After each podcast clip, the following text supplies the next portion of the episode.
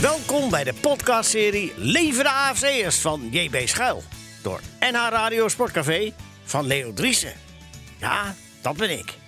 Samen met onder andere de grote Hiha Hondelul voetbalshow en uitgeverij Gianni vieren wij het amateurvoetbal op deze wijze. Hoe dus? Eh, door alle 24 hoofdstukken van het Nederlandse oervoetbalboek uit 1915 voor te lezen. Als feuilleton. Door wie? Tal van bekende en wellicht iets minder bekende liefhebbers van de bal dragen een hoofdstuk voor namens hun eigen clubje. Centraal in de AFC staat hoofdpersoon Eddie Lomans, die, net als zijn vrienden, niet van thuis eh, mag voetballen. Als gevolg van een slecht rapport. Een meeslepend verhaal over vriendschap, verliefdheid en natuurlijk veel voetbal. Deze serie duurt 12 weken lang. 12 weken. Waarin steeds elke zaterdag twee verse hoofdstukken voor je klaarstaan in de nieuwsfeed van NH Radio Sportcafé. Dit als alternatief voor een lange voetballoze periode die, zo hopen we, in de maand september weer voorbij zal zijn. Verder is het goed om te weten dat al onze voorlezers hun hoofdstuk op hun eigen manier voordragen en, genoodzaakt door uh, alle COVID-19-maatregelen, vanuit hun eigen omgeving. En sommigen met. Wat? Met een lapje voor. Schrik dus niet als je ineens een vliegtuig over hoort scheren of een ander gek geluid op de achtergrond. De podcastserie Leven de AFC'ers is trouwens een initiatief van Rim Voorhaar en André Dammers, vrienden van de eerder genoemde shows. En het verhaal van de AFC'ers baseerde JB Schuil op de koninklijke HFC uit Haarlem. Goed om te weten. Hoofdstuk 24 laten we open voor de uiteindelijk beste inzender. Denk je dat jij dat kan zijn? Uh, dan moet je goed je oren scherp open houden. Want binnenkort hoor je dan hoe je dat voor elkaar kunt krijgen. Er is een jury onder leiding van Gerrit van der Lem. Die is zo uh, betrouwbaar als de pest. en die bepaalt dan uiteindelijk of jij, of jij, of, of jij, of u de winnaar wordt. En dus hoofdstuk 24 mag voorlezen. Hoe dat dus precies zit, dat hoor je allemaal nog. Hoofdstuk 2 wordt voorgelezen door Pieter de Waard. De gedroomde prezes van de KVB is voorzitter en algemeen directeur van BVO Telstar... heeft toch even tijd gevonden om wat te lezen. De Witte Leeuwen uit Velsen zijn heel blij met hem. En u hoop ik ook. Maar eerst het eerste hoofdstuk. En die wordt voorgelezen door mij. Dat ben ik dus. Heel veel luisterplezier. Of zoiets. Afijn, uh, zie maar. Eerste hoofdstuk. Rapport ellende. Eddie Lomans stond met zijn rapport in de hand voor de HBS. Hij had het op school misschien al tien keer overgelezen. Hij kende het van buiten, wist precies waar de vijfjes stonden, maar toch keek hij er nog eens in. Nee, hij moest het zelf bekennen, het was beroerd. Alle beroerd. Het kon bijna niet erger. Daar stonden ze vlak onder elkaar, die drie ellendige vijfjes. Als je het rapport maar open sloeg, zag je ze meteen. Ja, je zag eigenlijk niks anders dan die drie keurig daar neergepende hatelijke cijfers. Met dat rapport moest hij nu straks thuiskomen. Moest hij voor zijn vader verschijnen. Hij wist al precies wat er komen zou. Als een vreselijk visioen was het zo even voor zijn ogen verrezen. Een woedende vader die de AFC-kaart van zijn zoon verscheurt. En Eddie wist ook al wat hij thuis te horen zou krijgen. Hij kende het immers al bijna van buiten. Zie je wel, daar hebben we het al, zou zijn vader zeggen. Heb ik het niet voorspeld?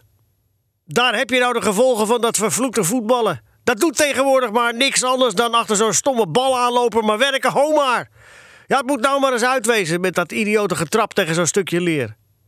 Ja, en dan zou gebeuren wat Eddie zo even, toen hij de drie vijfjes voor het eerst ontdekte, in visioen had gezien. Ja, ja, Eddie kende zijn vader wel zo'n beetje. De heer Lomans had een onoverwinnelijke afkeer van de edele voetbalsport. En er kon dan ook niets, letterlijk niets gebeuren. Of het stukje leer kreeg er de schuld van. Als Eddie brutaal was, dan leerde hij dat op het AFC-veld. Als Eddie iets vergeten had, dan kwam dat omdat Eddie alleen nog maar aan trappen dacht. Als Eddie weinig zin in werken had, dan moest hij altijd horen dat hij niet lui was als hij maar achter een balletje kon lopen.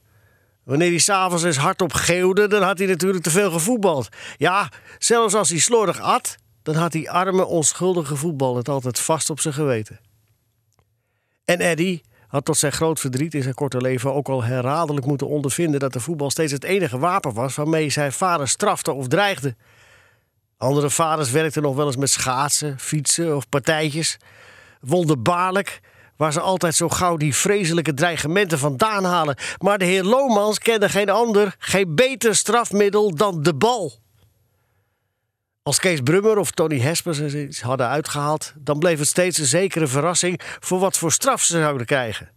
Of de fiets naar zolder zou verdwijnen, dan wel de schaatsen in gevaar verkeren. Maar Eddie Lomans wist altijd al bij voorbaat wat hem te wachten stond. Labor sans phrase, zo luidde onveranderlijk het vonnis over Eddie. Wat, een beetje vrij vertaald door de heer Lomans, werd overgezet in de voetbal zonder verder geklets. Kwam Eddie smiddags te laat aan tafel, dan was het morgen niet voetballen. Had hij gevochten met Emmy, zijn oudere zusje, dan klonk het streng. Woensdagmiddag niet naar AFC. Kwam meneer Drogen, de buurman, met een opgestreken zeil bij de heer Lomans klagen... omdat zijn zoon, die qua jongen, een steen bij hem door de ruit had getrapt... dan verkeerde de zaterdag lelijk in gevaar. Was Eddie van school gestuurd en kwam hij met een briefje van de directeur thuis... dan mocht hij zondags niet naar de match.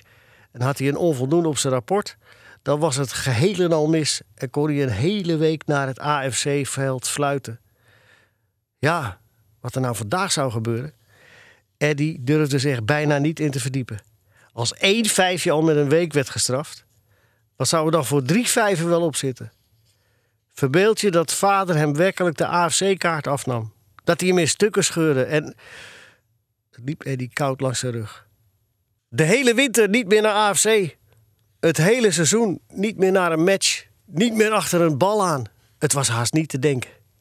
Als een zwaard van Damocles had dat vreselijke dreigement van vader altijd boven zijn hoofd gehangen. Eddie keek nog eens, voor de elfde maal het rapport in. Ja, ze stonden er nog, die drie vermalendijde vijfjes. Nee, het was bijna zeker, het zwaard van Damocles zou vandaag omlaag vallen. Hij wachtte op Kees Brummer en Tony Hespers, zijn vrienden. Kees en Tony zaten in een parallelklas, hadden dus ook een rapport gekregen. Zouden die ook zo ongelukkig zijn? Drie onvoldoendes. Kees misschien wel, die behoorde niet tot de vluchtste. Maar Tony zou er wel weer doorheen gezwijnd zijn. Tony voste haast nooit. Hij had aan de studie een broertje dood. Maar Tony bofte altijd. De vorige keer was hij er ook juist doorheen gerold. Geen enkele vijf. Nee, Eddie was er wel zeker van. Hij zou er natuurlijk weer het slechtste vanaf komen. Zich op niemand kunnen beroepen niemand die een beroerde rapport zou hebben dan hij. Daar ging de grote voordeur open. De parallelklas verscheen. Kees en Tony kwamen naar buiten. Ze keken alsof ze zo naar de galg moesten. Eddie begreep dadelijk dat het met zijn vrienden ook niet schitterend was. Hoe is het? informeerde hij, onmiddellijk, belangstellend. Zeven vijven en één vier, zuchtte Kees. Twee vier en één vijf, bromde Tony. Wel verdraaid, dat viel Eddie mee. Maar hij zei het niet hardop, omdat hij wel begreep dat dit voor de betrokkenen nou niet bepaald prettig zou zijn om te horen. En jij? vroegen Tony en Kees tegelijk. Ja, ook slecht. Drie vijven, antwoordde Eddie. Het was op de gezichten van de twee vrienden heel goed te lezen dat zij het anders hadden verwacht. dat is nog mooi, riep Kees uit. Het was duidelijk, de waardering voor de rapporten verschilde al naar de kant. Al naar de kant van waar ze bekeken werden. Laat me eens kijken, vroeg Eddie aan Kees. Hij hoopte uit die 7 5 en 1 4 nog wat troost te kunnen putten in zijn benarde omstandigheden. Ja, daar stond het. Rekenen 5, meetkunde 5, algebra 5, dierkunde 5. Het hield niet op met de vijven. Het brandde Eddie op de lippen om aan Kees te vragen of hij het over mocht schrijven. Als zijn vader dit zou zien, ja, dan zou hij wel vertederd worden. Zou hij Eddie's rapport misschien nog mooi vinden? Nou, mooi, mooi. Dat was misschien wel wat sterk, dat begreep je zelf ook wel. Maar toch, het zag er naast Kees' rapport toch vrij schappelijk uit. Kijk eens aan. Hij had voor geschiedenis een 8 en voor aardrijkskunde een 7. En voor Frans, Duits en Nederlands had hij toch een 6. Als je dit vergeleek met Kees, ja, dan was het gewoon weer schitterend. Tony had maar 1-8 voor gymnastiek. Nou, daar gaf vader toch niks om. Nee, als vader Kees rapport zag, dan zou het wel loslopen. Dan zou hij misschien met één, hoogstens twee weken vanaf komen. En die waagt het. Zeg Kees, mag ik het even van je overkalken? Waarom? vroeg Kees, hoewel hij het heel goed begreep. Uh, uh, nou, uh, nou, zomaar, ontweek Eddy. Nou ja, vanuit ga je gang maar, zei Kees, die de goedigheid in eigen persoon was. Kees wist wat Eddy boven het hoofd hing. En hij wou zijn vriend met genoeg helpen. Kon hem schelen als hem voor een stommerd aanzagen. Hij wist immers toch wel dat hij geen geleerde was. En die ging aan het schrijven. Rekenen vijf, meetkunde vijf, algebra vijf. Bij elke vijf zag hij het gezicht van zijn vader opklaren. Tot het zelfs bij de vier even glom van voldoening. Dank je, zei Eddie. En hij gaf Kees zijn rapport terug. Tot tweede dienst bereid hoor. Op dat moment kwam Jozef Stoffers uit de school. Hij was nummer één van de klas. Favoriet van de leraren. Maar Eddie en zijn kornuiten konden hem niet uitstaan, omdat hij nooit voor wou zeggen. Nooit aan iets meedeed en eigenlijk al begon te huilen wanneer hij maar een sneeuwbal tegen zijn oog kreeg. Zijn gezicht glom van trots en louter vreugde. En Tony, Kees en Eddie begrepen onmiddellijk dat het bij Jozef weer puik in orde was. Laat eens kijken, riep Tony. Stoffers liet zijn rapport zien. Het duizelde de, de drie vrienden voor de ogen. Niks dan negens en achter. Mooi, daar kan je het mee doen, zei Eddie. Zijn hoop op de goede tierenheid van zijn vader kreeg een geweldige dreun. Willen we ruilen? vroeg Kees. Jozepie lachte. De jongens besloten onmiddellijk naar huis te gaan en geen enkel ander rapport meer in te zien. Als trouwe vrienden in de nood gingen ze daar met z'n drieën: Eddie, Tony en Kees. Ze waren het er roerend over eens dat het een flauwe streek was van de directeur om op woensdagmiddag rapporten uit te geven. dat doen ze alleen maar om te pesten, meende Kees. Ja, natuurlijk. Dan heb je dadelijk je straf te pakken, zuchtte Eddie. Het trof vandaag dan ook al bijzonder slecht. Juist vanmiddag zouden ze matchen. Het achtste elftal van AFC tegen het vierde van de leren kogel. Ja, en nou kwam er natuurlijk niks van. Eddie zou, dat sprak vanzelf, niet mee mogen doen. En Tony en Kees waren er vandaag ook niet geheel zeker van. 7, 5 en 1, 4, 2, 4 en 1, 5. Nee, dat liep misschien niet zo goed af. Hoewel, Kees wist het nog zo zeker niet. Hij dacht wel dat zijn fiets het zou moeten ontgelden. En Tony had hoop dat hij zaterdagavond niet naar de dansvijf mocht bij Jan van Renen. Alleen Eddie wist het zeker. Bij vader was het immers de voetbal zonder verder geklets. Nou, bezoer, zucht hij bij het afscheid nemen. Vast overtuigd dat Kees en Tony wel weer zouden mogen spelen. Houd jullie maar taai vanmiddag. Geef ze maar goed op hun gezicht.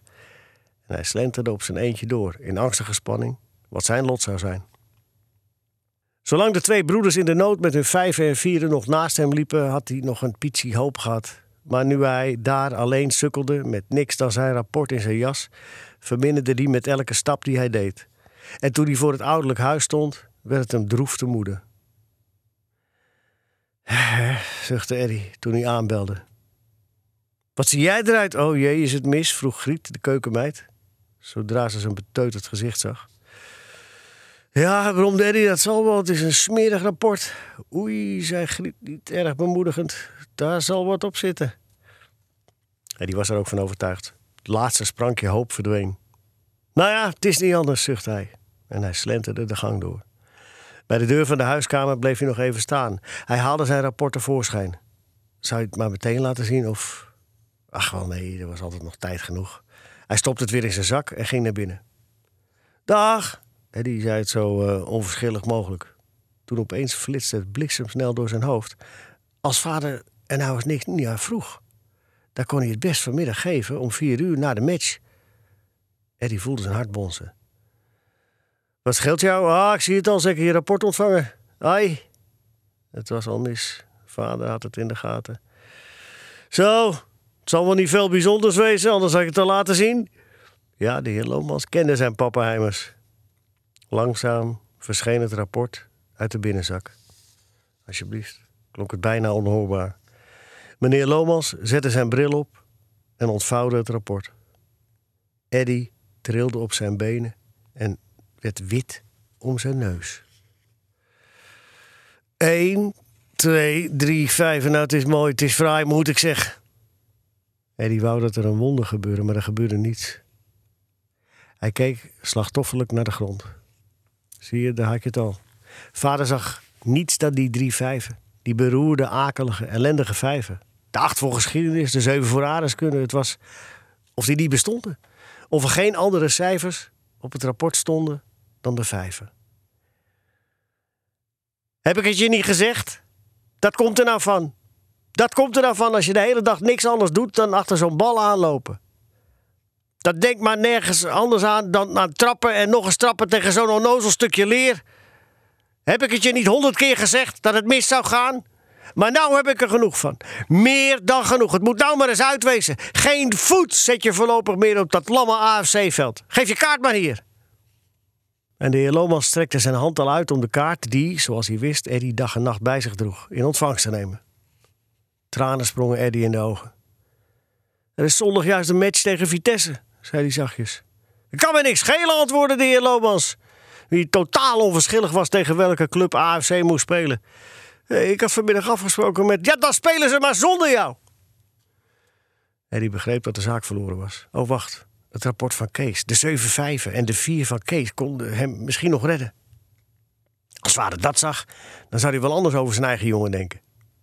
Nou, ik ben lang niet de slechtste hoor, sprak Eddie van Wal. Kees Brummer.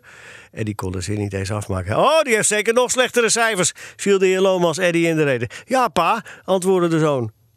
Die heeft 7 vijven en 1 4. 7 vijven en 1 4. Dat is helemaal mooi, moet ik zeggen. Natuurlijk ook een jongen die de hele dag doorvoetbalt. Eddie zweeg. Hij begreep dat de bal verkeerd gesprongen was. Ik zou liever eens kijken naar jongens als Jozef Stoffers. Eddie bleef zwijgen. Toen kwam er hulp van een andere kant. Het was Emmy die voor hem in de bres sprong. Kom op, pa. Als Eddie nou voor deze ene keer belooft. Maar ook deze steun gaf niks. Want de heer Lomans zei kalm: Nee, nee, niets voor deze ene keer. Kom, Eddie, waar is je kaart? Eddie begreep dat er niks meer te redden viel. Langzaam ging zijn hand naar zijn binnenzak. De verfrommelde en beduimelde vuilgele kaart verscheen. Zonder een woord te zeggen overhandigde hij het kostbare, dierbare stuk. Het zal van jezelf afhangen, Eddy, of je hem gauw terugkrijgt, zei de heer Lomas. En de AFC-kaart verdween. De tranen sprongen Eddy in de ogen. Hij plantte zijn boventanden in zijn onderlip en beet en weet om er niet in huilen uit te barsten. Nu hij die straf toch kreeg, wilde hij voor zijn vader niet weten hoezeer hij het zich aantrok. Hij wilde zich goed houden. Aan tafel sprak Eddie geen woord. Hij voelde zich bitter verongelijkt. Waarom had vader alleen maar naar de vijven gekeken?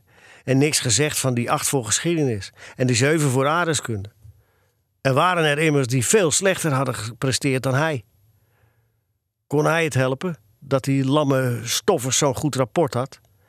En hoe langer Eddie erover nadacht, hoe meer hij tot de overtuiging kwam dat hij onrechtvaardig was behandeld. Niet alleen door zijn vader, maar ook door de leraren. De fluit, zo noemden ze de leraar wiskunde, had hem best voldoende kunnen geven. Hij had altijd zijn mondelinge beurten gekend. En alleen eenmaal een vijf voor zijn schriftelijke proef gehad. Daar had hij hem toch een zes moeten geven. Maar natuurlijk, de fluit had ook het land aan voetballers. Zou hij het nog aan zijn vader zeggen van de fluit dat hij. Ach, nee. Het gaf hem eens niks. Zijn vader gaf de fluit natuurlijk gelijk. Eddie at mokkeld zijn boterham op en bleef zwijgen totdat zijn vader naar kantoor was gegaan. Toen, alleen met zijn moeder en Ems, barst hij opeens uit. Het is een flauwe streek. Het is een kinderachtige streek. Eddie, zei mevrouw Lomans op zacht verwijtende toon. Nou, ik vind het ook niks aardig van pa, viel Ems Eddie bij. Emmy was een beetje, of liever een beetje heel erg verliefd op Jaap Bloker de halfback van het derde elftal van AFC, en voelde dus veel voor het verdriet van haar broer, die volgens haar een groot onrecht was aangedaan. Ja, dat is nog altijd zo met paard. Voetballen krijgt altijd de schuld. De steun van Abby maakte Eddie helemaal overstuur. Hij snikte het opeens uit en riep een diepe wanhoop uit. Ach, geen enkele jongen heeft zo'n vader als ik. Dat mag je niet zeggen, Eddie, vermaande zijn moeder nog eens. Ja, is dat dan niet zo? vroeg Emmy. Pa voelt alleen heel weinig voor het voetballen. Dat weten jullie wel, betoogde mevrouw. Ja, dat is het juist, riep Eddie. Alle andere vaders gaan altijd mee naar de match. Die zijn er trots op als een jongen voetbalt. Dan moest vader maar eens komen kijken op AFC. Daar hebt u meneer Dooyer. Die reist altijd met Jan mee als hij buiten de stad matchen moet. Meneer Raadsman, die schreeuwt nog harder hup AFC, hup AFC dan wij. En meneer Zuiderstein gaat zondagavond altijd met Kees en Piet naar het bureau van het dagblad om de uitslagen te lezen. Jaap krijgt gewoon een standje thuis als ze verloren hebben, zei Emmy. Die dit uit de beste bron wist natuurlijk. Ziet u nou wel, riep Eddie triomfantelijk uit. Meneer Kromelijn kon na de Holland-België-wedstrijd in geen vier dagen een geluid geven. Zo had hij geschreeuwd, vulde Emmy weer aan. En, en vader doet alsof het een schande is als je voetbalt. dat komt omdat vader er niets van weet. omdat hij... Ja, en nu wil ik er niks meer over horen, Eddie, zei mevrouw Loman streng. Eddie begreep dat hij over dit onderwerp met zijn moeder niet meer spreken moest. Maar de straf zat hem toch te hoog om er geheel over te zwijgen. Zegt u dat is wat ik moet doen als ik geen lid meer ben van AFC? vroeg hij half huilend. Ja, dat, dat zullen we nog wel eens zien, uh, ontweek mevrouw. Ik kan toch niet op mijn dode eentje gaan wandelen? Er is geen jongen die smiddags niet op AFC is. Nou, dan kun je eens met uh, vader en mij uitgaan, stelde mevrouw voor. Maar dit viel bij al een heel slecht aarde. Want hij zei dadelijk, ja, dan lachen ze me allemaal uit. Maar opeens viel hem een lumineus idee in. En hij zei dadelijk, ik wil wel, als ik met u mee mag naar AFC. Mevrouw Lobos begon even te glimlachen.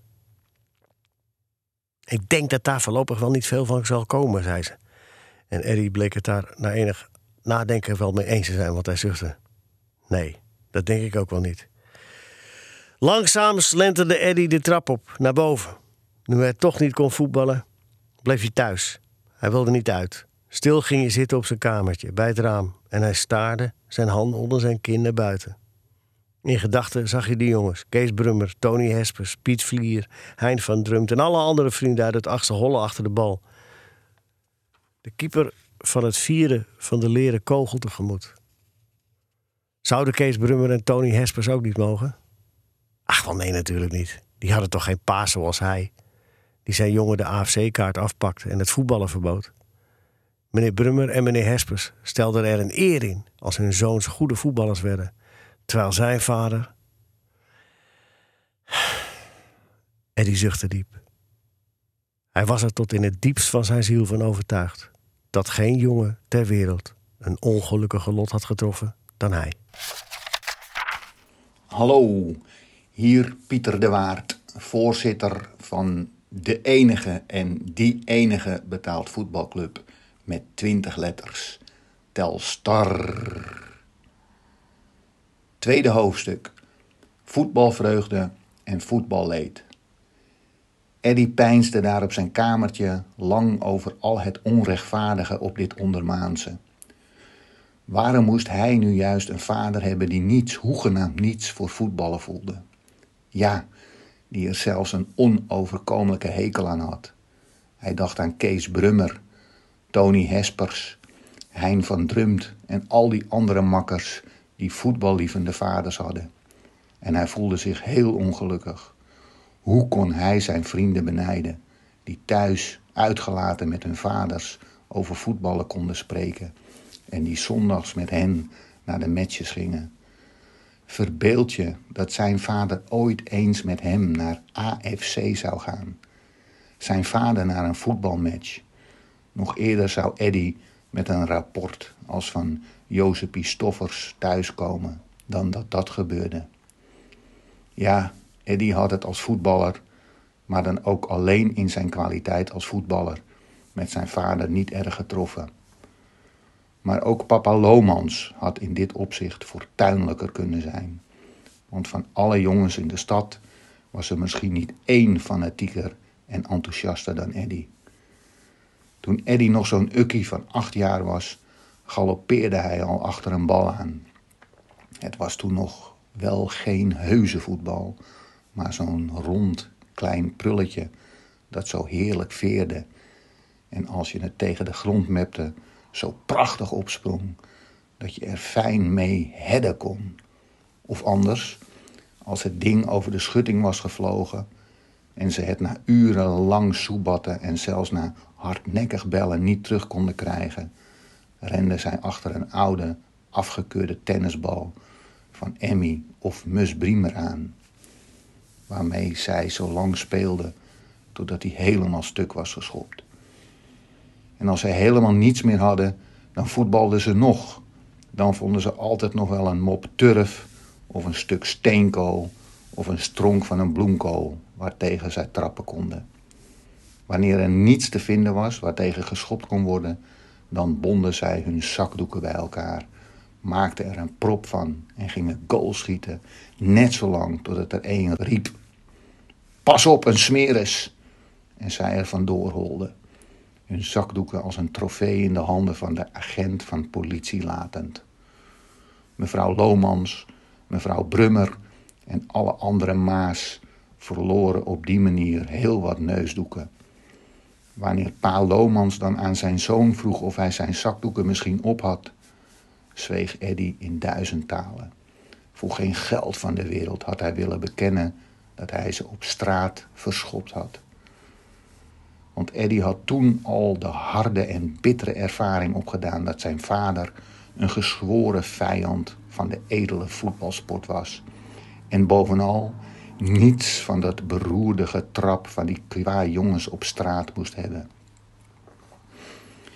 Je kunt tegenwoordig door die ellendige jongens niet eens meer veilig op straat lopen, placht de heer Lomans dikwijls te zeggen.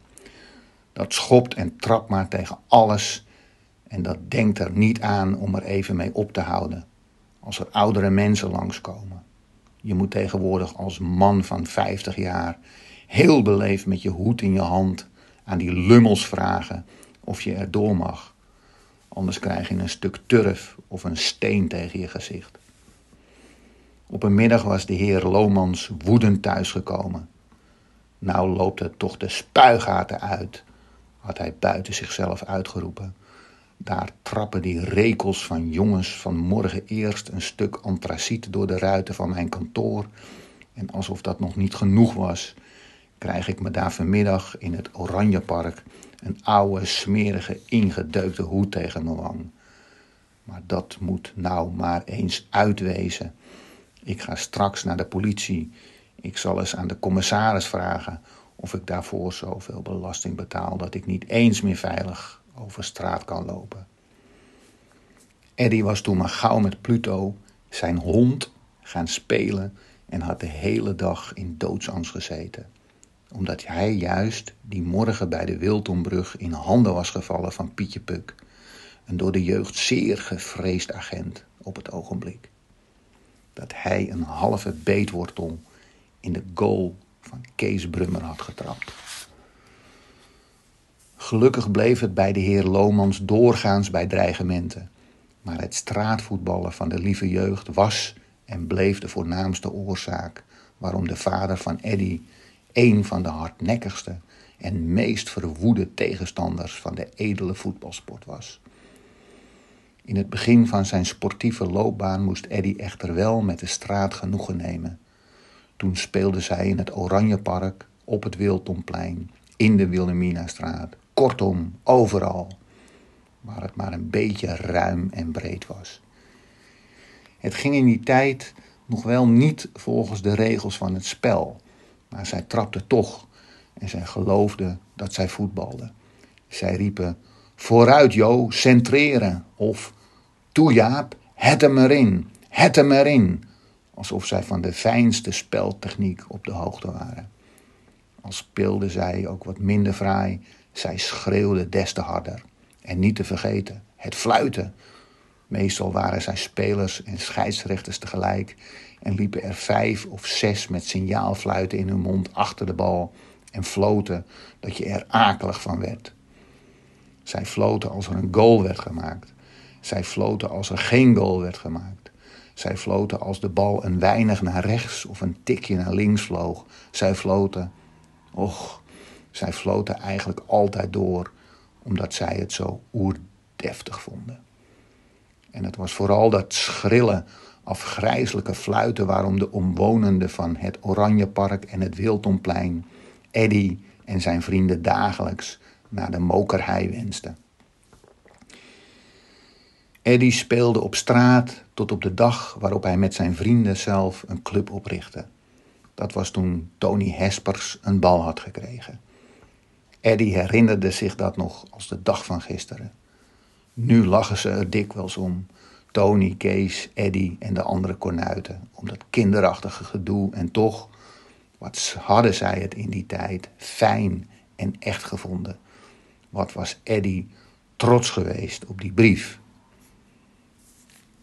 LS, ondergetekende, roepen u op tot een vergadering op woensdag, de 10e januari, om twee uur precies, ten huize van de heer Hespers senior, in de bovenzaal van zijn wel edelgeboren spakhuis, om een voetbalclub op te richten. Trouwe opkomst dringend verzocht. Het voorlopig bestuur, Tony Hespers, Eddy Lomans, Kees Brummer. Zij hadden hem met behulp van een door Tony gevonden circulaire zelf in elkaar geflanst. En Eddy had zich het waardevolle stuk persoonlijk over de post toegestuurd, omdat hij dit tof vond. Tegenover Emmy en Griet en ook wel een beetje tegenover vader en moeder. Maar de opmerking van zijn tante Santje, die nog meer het land aan voetballen had dan zijn vader, dat hij zijn geld wel op een betere manier kon gebruiken dan met aan zichzelf briefjes over de post te sturen en hij zeker nog eens arm zou sterven. Het was notabene maar 25 cent geweest voor een postzegel en 10 cent voor een enveloppe en een velletje postpapier. Had hem wel een beetje ontgoocheld, terwijl de vraag van Griet wat LS betekende hem in razende verlegenheid had gebracht. Griet had toen zelf de oplossing gevonden en had gezegd dat het wel lamme schobbejakken zou beduiden. Waarop Eddie boos was geworden en mopperend weg was gelopen. Wat LS echter wel betekende, wist hij nog op de huidige dag niet. Maar dat was hem ook glad onverschillig. Een feit was het immers dat op die dag, na een vergadering van drie uur, waarop zij drie keer elkaar hadden uitgescholden en twee keer gevochten, de voetbalclub, de Spartaan, het levenslicht zag. En Eddy was vicepresident geworden. Dat was zijn eerste grote succes in zijn later zo roemvolle voetbalcarrière geweest. Eigenlijk was het niet zo heel veel bijzonders dat hij een plaats in het bestuur had gekregen.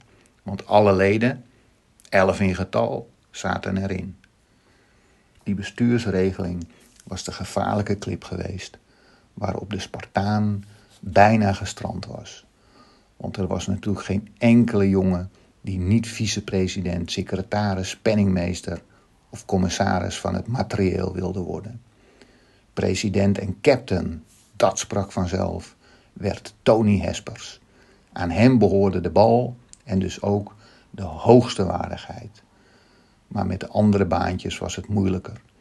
Na heel wat geharrewar en gevecht was er een president en een vicepresident, een secretaris en een vice-secretaris, een penningmeester en een vice-penningmeester, een commissaris van het materieel en een vice-commissaris van het materieel, benevens een commissaris van de elftalcommissie en twee vice-commissarissen van de elftalcommissie benoemd.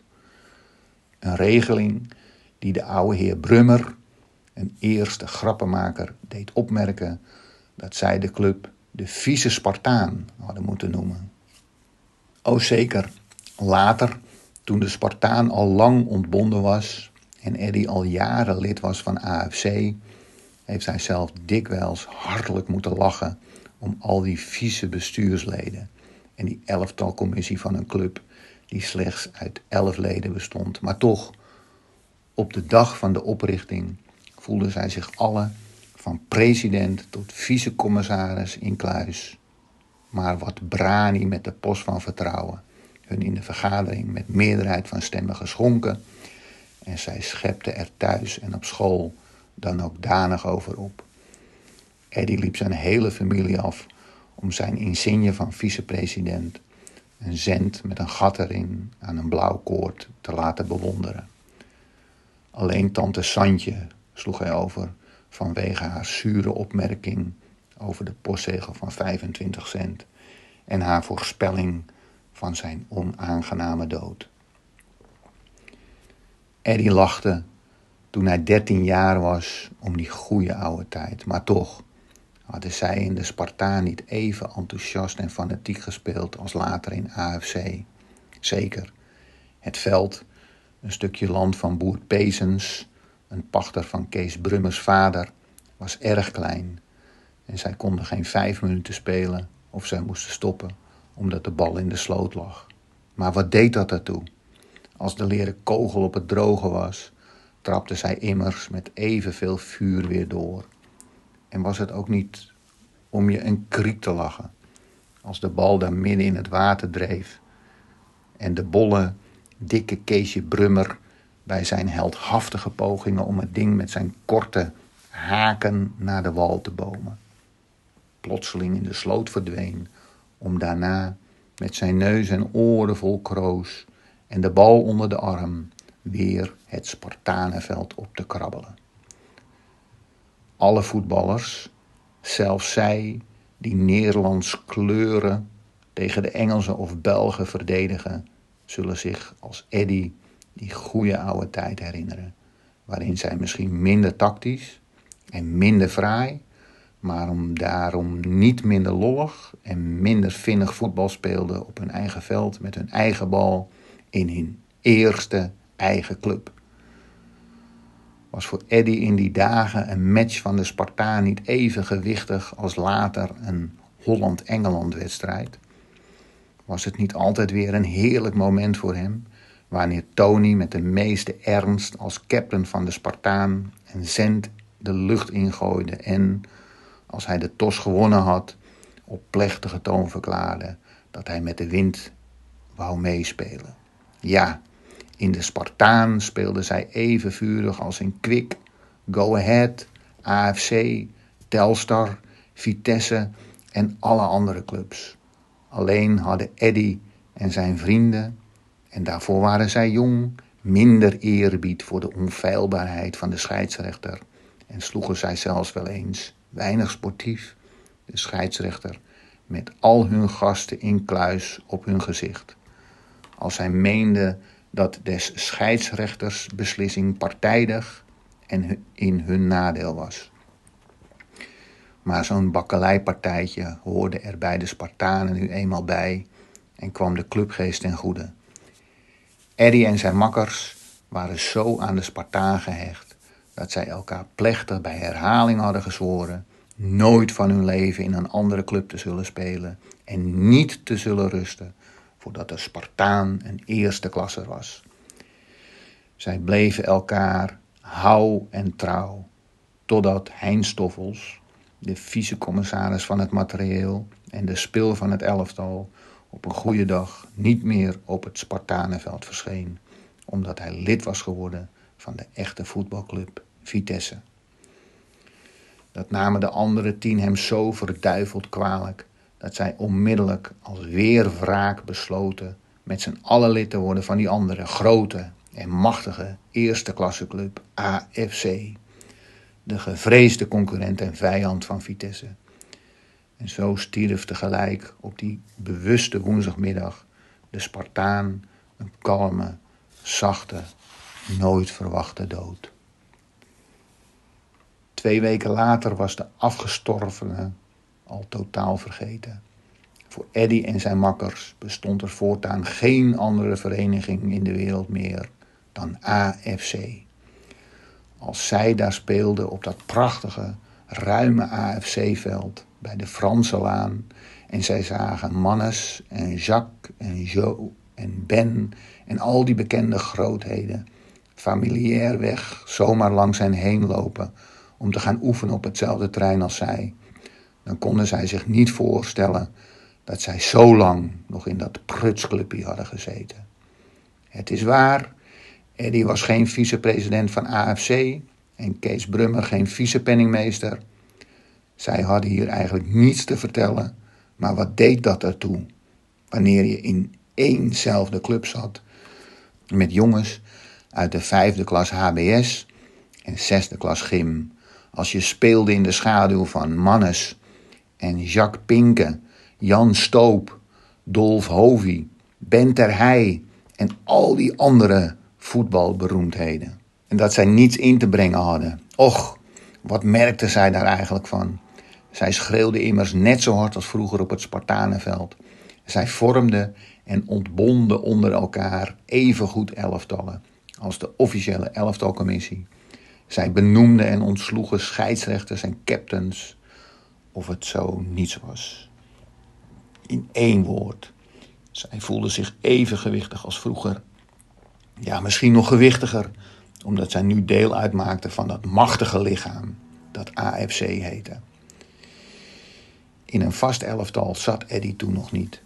Eddie was nog jong, hij was pas 13 jaar en speelde altijd maar los raak in combinaties die zij s'morgens zelf hadden gemaakt. Zij noemden zich dan wel heel deftig het zevende, of het achtste of het negende elftal van AFC. Al nadat Eddy met oudere of jongere makkers speelde. Maar dat deden zij toch eigenlijk alleen omdat zij dat een beetje gekleed vonden.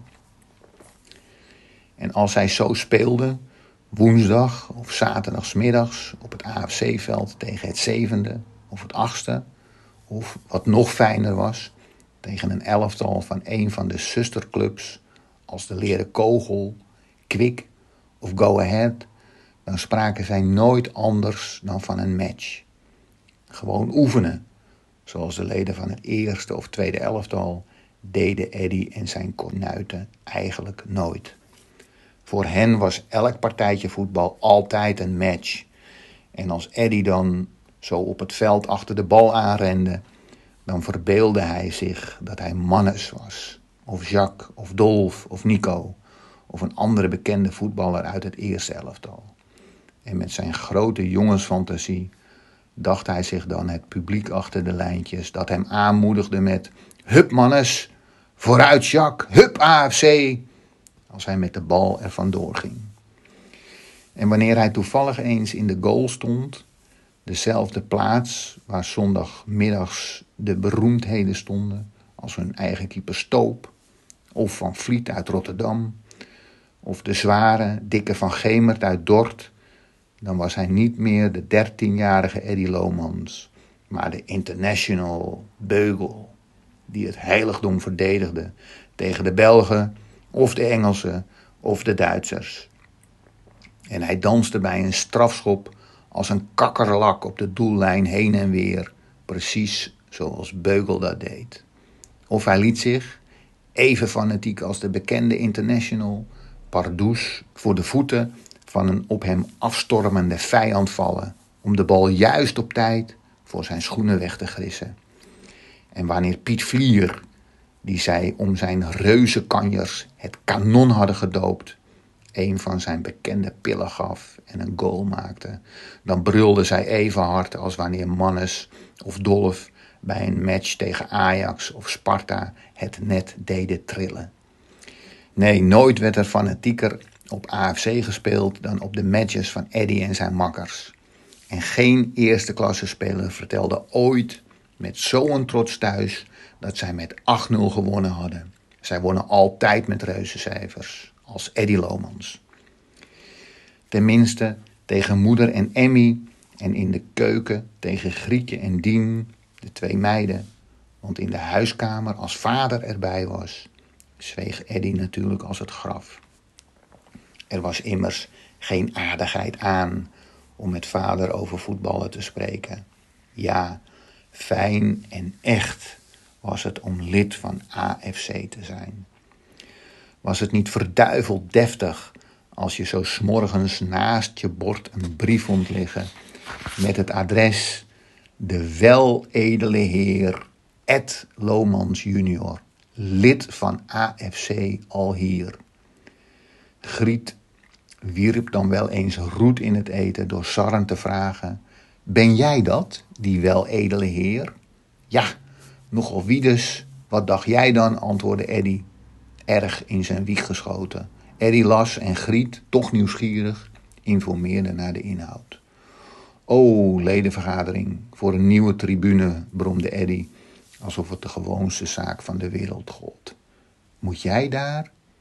Het maakte toch wel zoveel indruk op Griet dat zij die zin niet eens kon afmaken. Ja, natuurlijk, zei Eddy, hoewel geen haar op zijn hoofd eraan dacht om naar die vergadering toe te gaan. Griet was één en al bewondering. Sjonge, sjonge, dat moet je niet uitvlakken, zei ze. Eddie trok een onverschillig gezicht. Het was immers toch heel gewoon dat hij een oproeping kreeg. Hij was toch lid van AFC, maar als Griet tegen Dientje zei: Zeg Dien, daar heb je de weledele heer Ed Lomans junior. Die heeft vergadering. Dan liep hij woest de kamer uit en riep: Stik! Maar Griet was nooit zo gauw boos. En Eddy hoorde dan haar dan ook alleen maar lachend roepen: Nou, nou, weledele heer, het kan wel een beetje minder. En Eddy was ook geen jongen om lang over zulke onaangenaamheden te lopen mokken. S'avonds zat hij meestal alweer in de keuken en besprak hij met Klaas Dauma, de vrijer van Dientje, de match van de vorige zondag. Want dat was voor Eddy nu een nieuw en ongekend genot. Het volgen van de competitiewedstrijden van zijn club, van AFC. Rood van opwinding en met schitterende ogen zat hij elke zondag vast tussen zijn kornuiten op de jongenstribune. En niemand was er misschien zo geheel en al in als hij. Wanneer de tegenpartij om het doel van AFC heen zwermde, volgde hij in angstige inspanning het leren monster.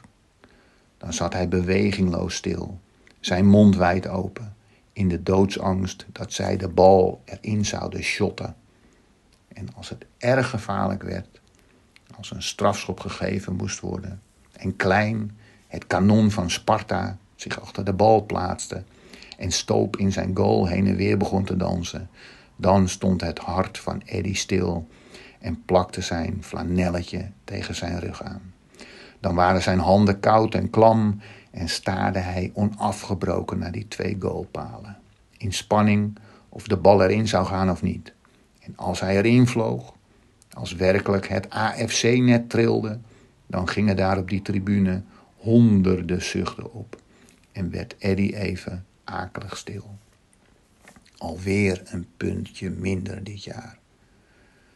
Maar wanneer daarentegen Stoop het leren ding te pakken kreeg en naar Mannes toetrapte, als Mannes er dan mee vandoor ging en vliegensvlug, dwars door de tegenpartij heen, het vijandelijk doel tegemoet vloog, dan sprong Eddy op en gilde oorverdovend: Hup, Mannes, vooruit, Mannes, hup, AFC! Dat je bij het horen alleen al pijn je keel ervan kreeg.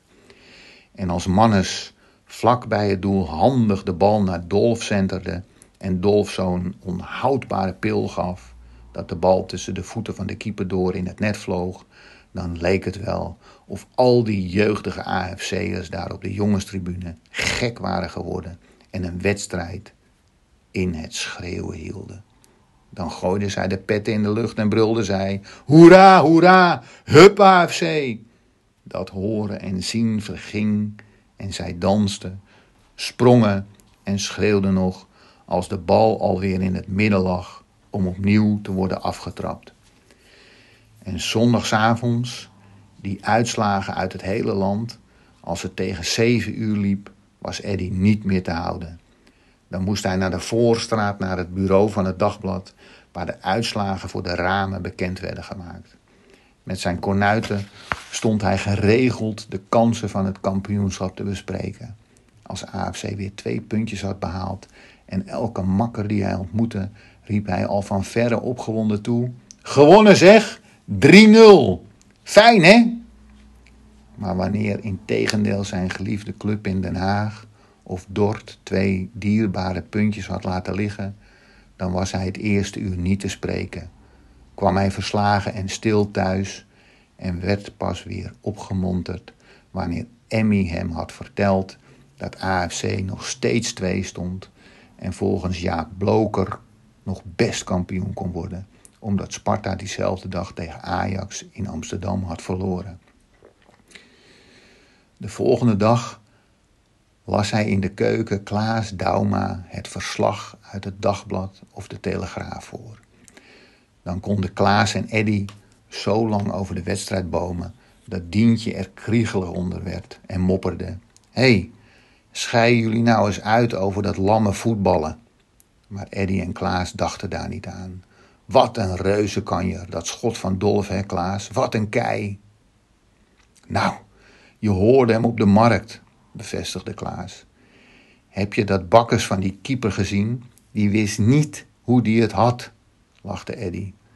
En nooit waren zij het met de scheidsrechter eens. Die vent had altijd volgens hen één of twee maal voor offside gefloten.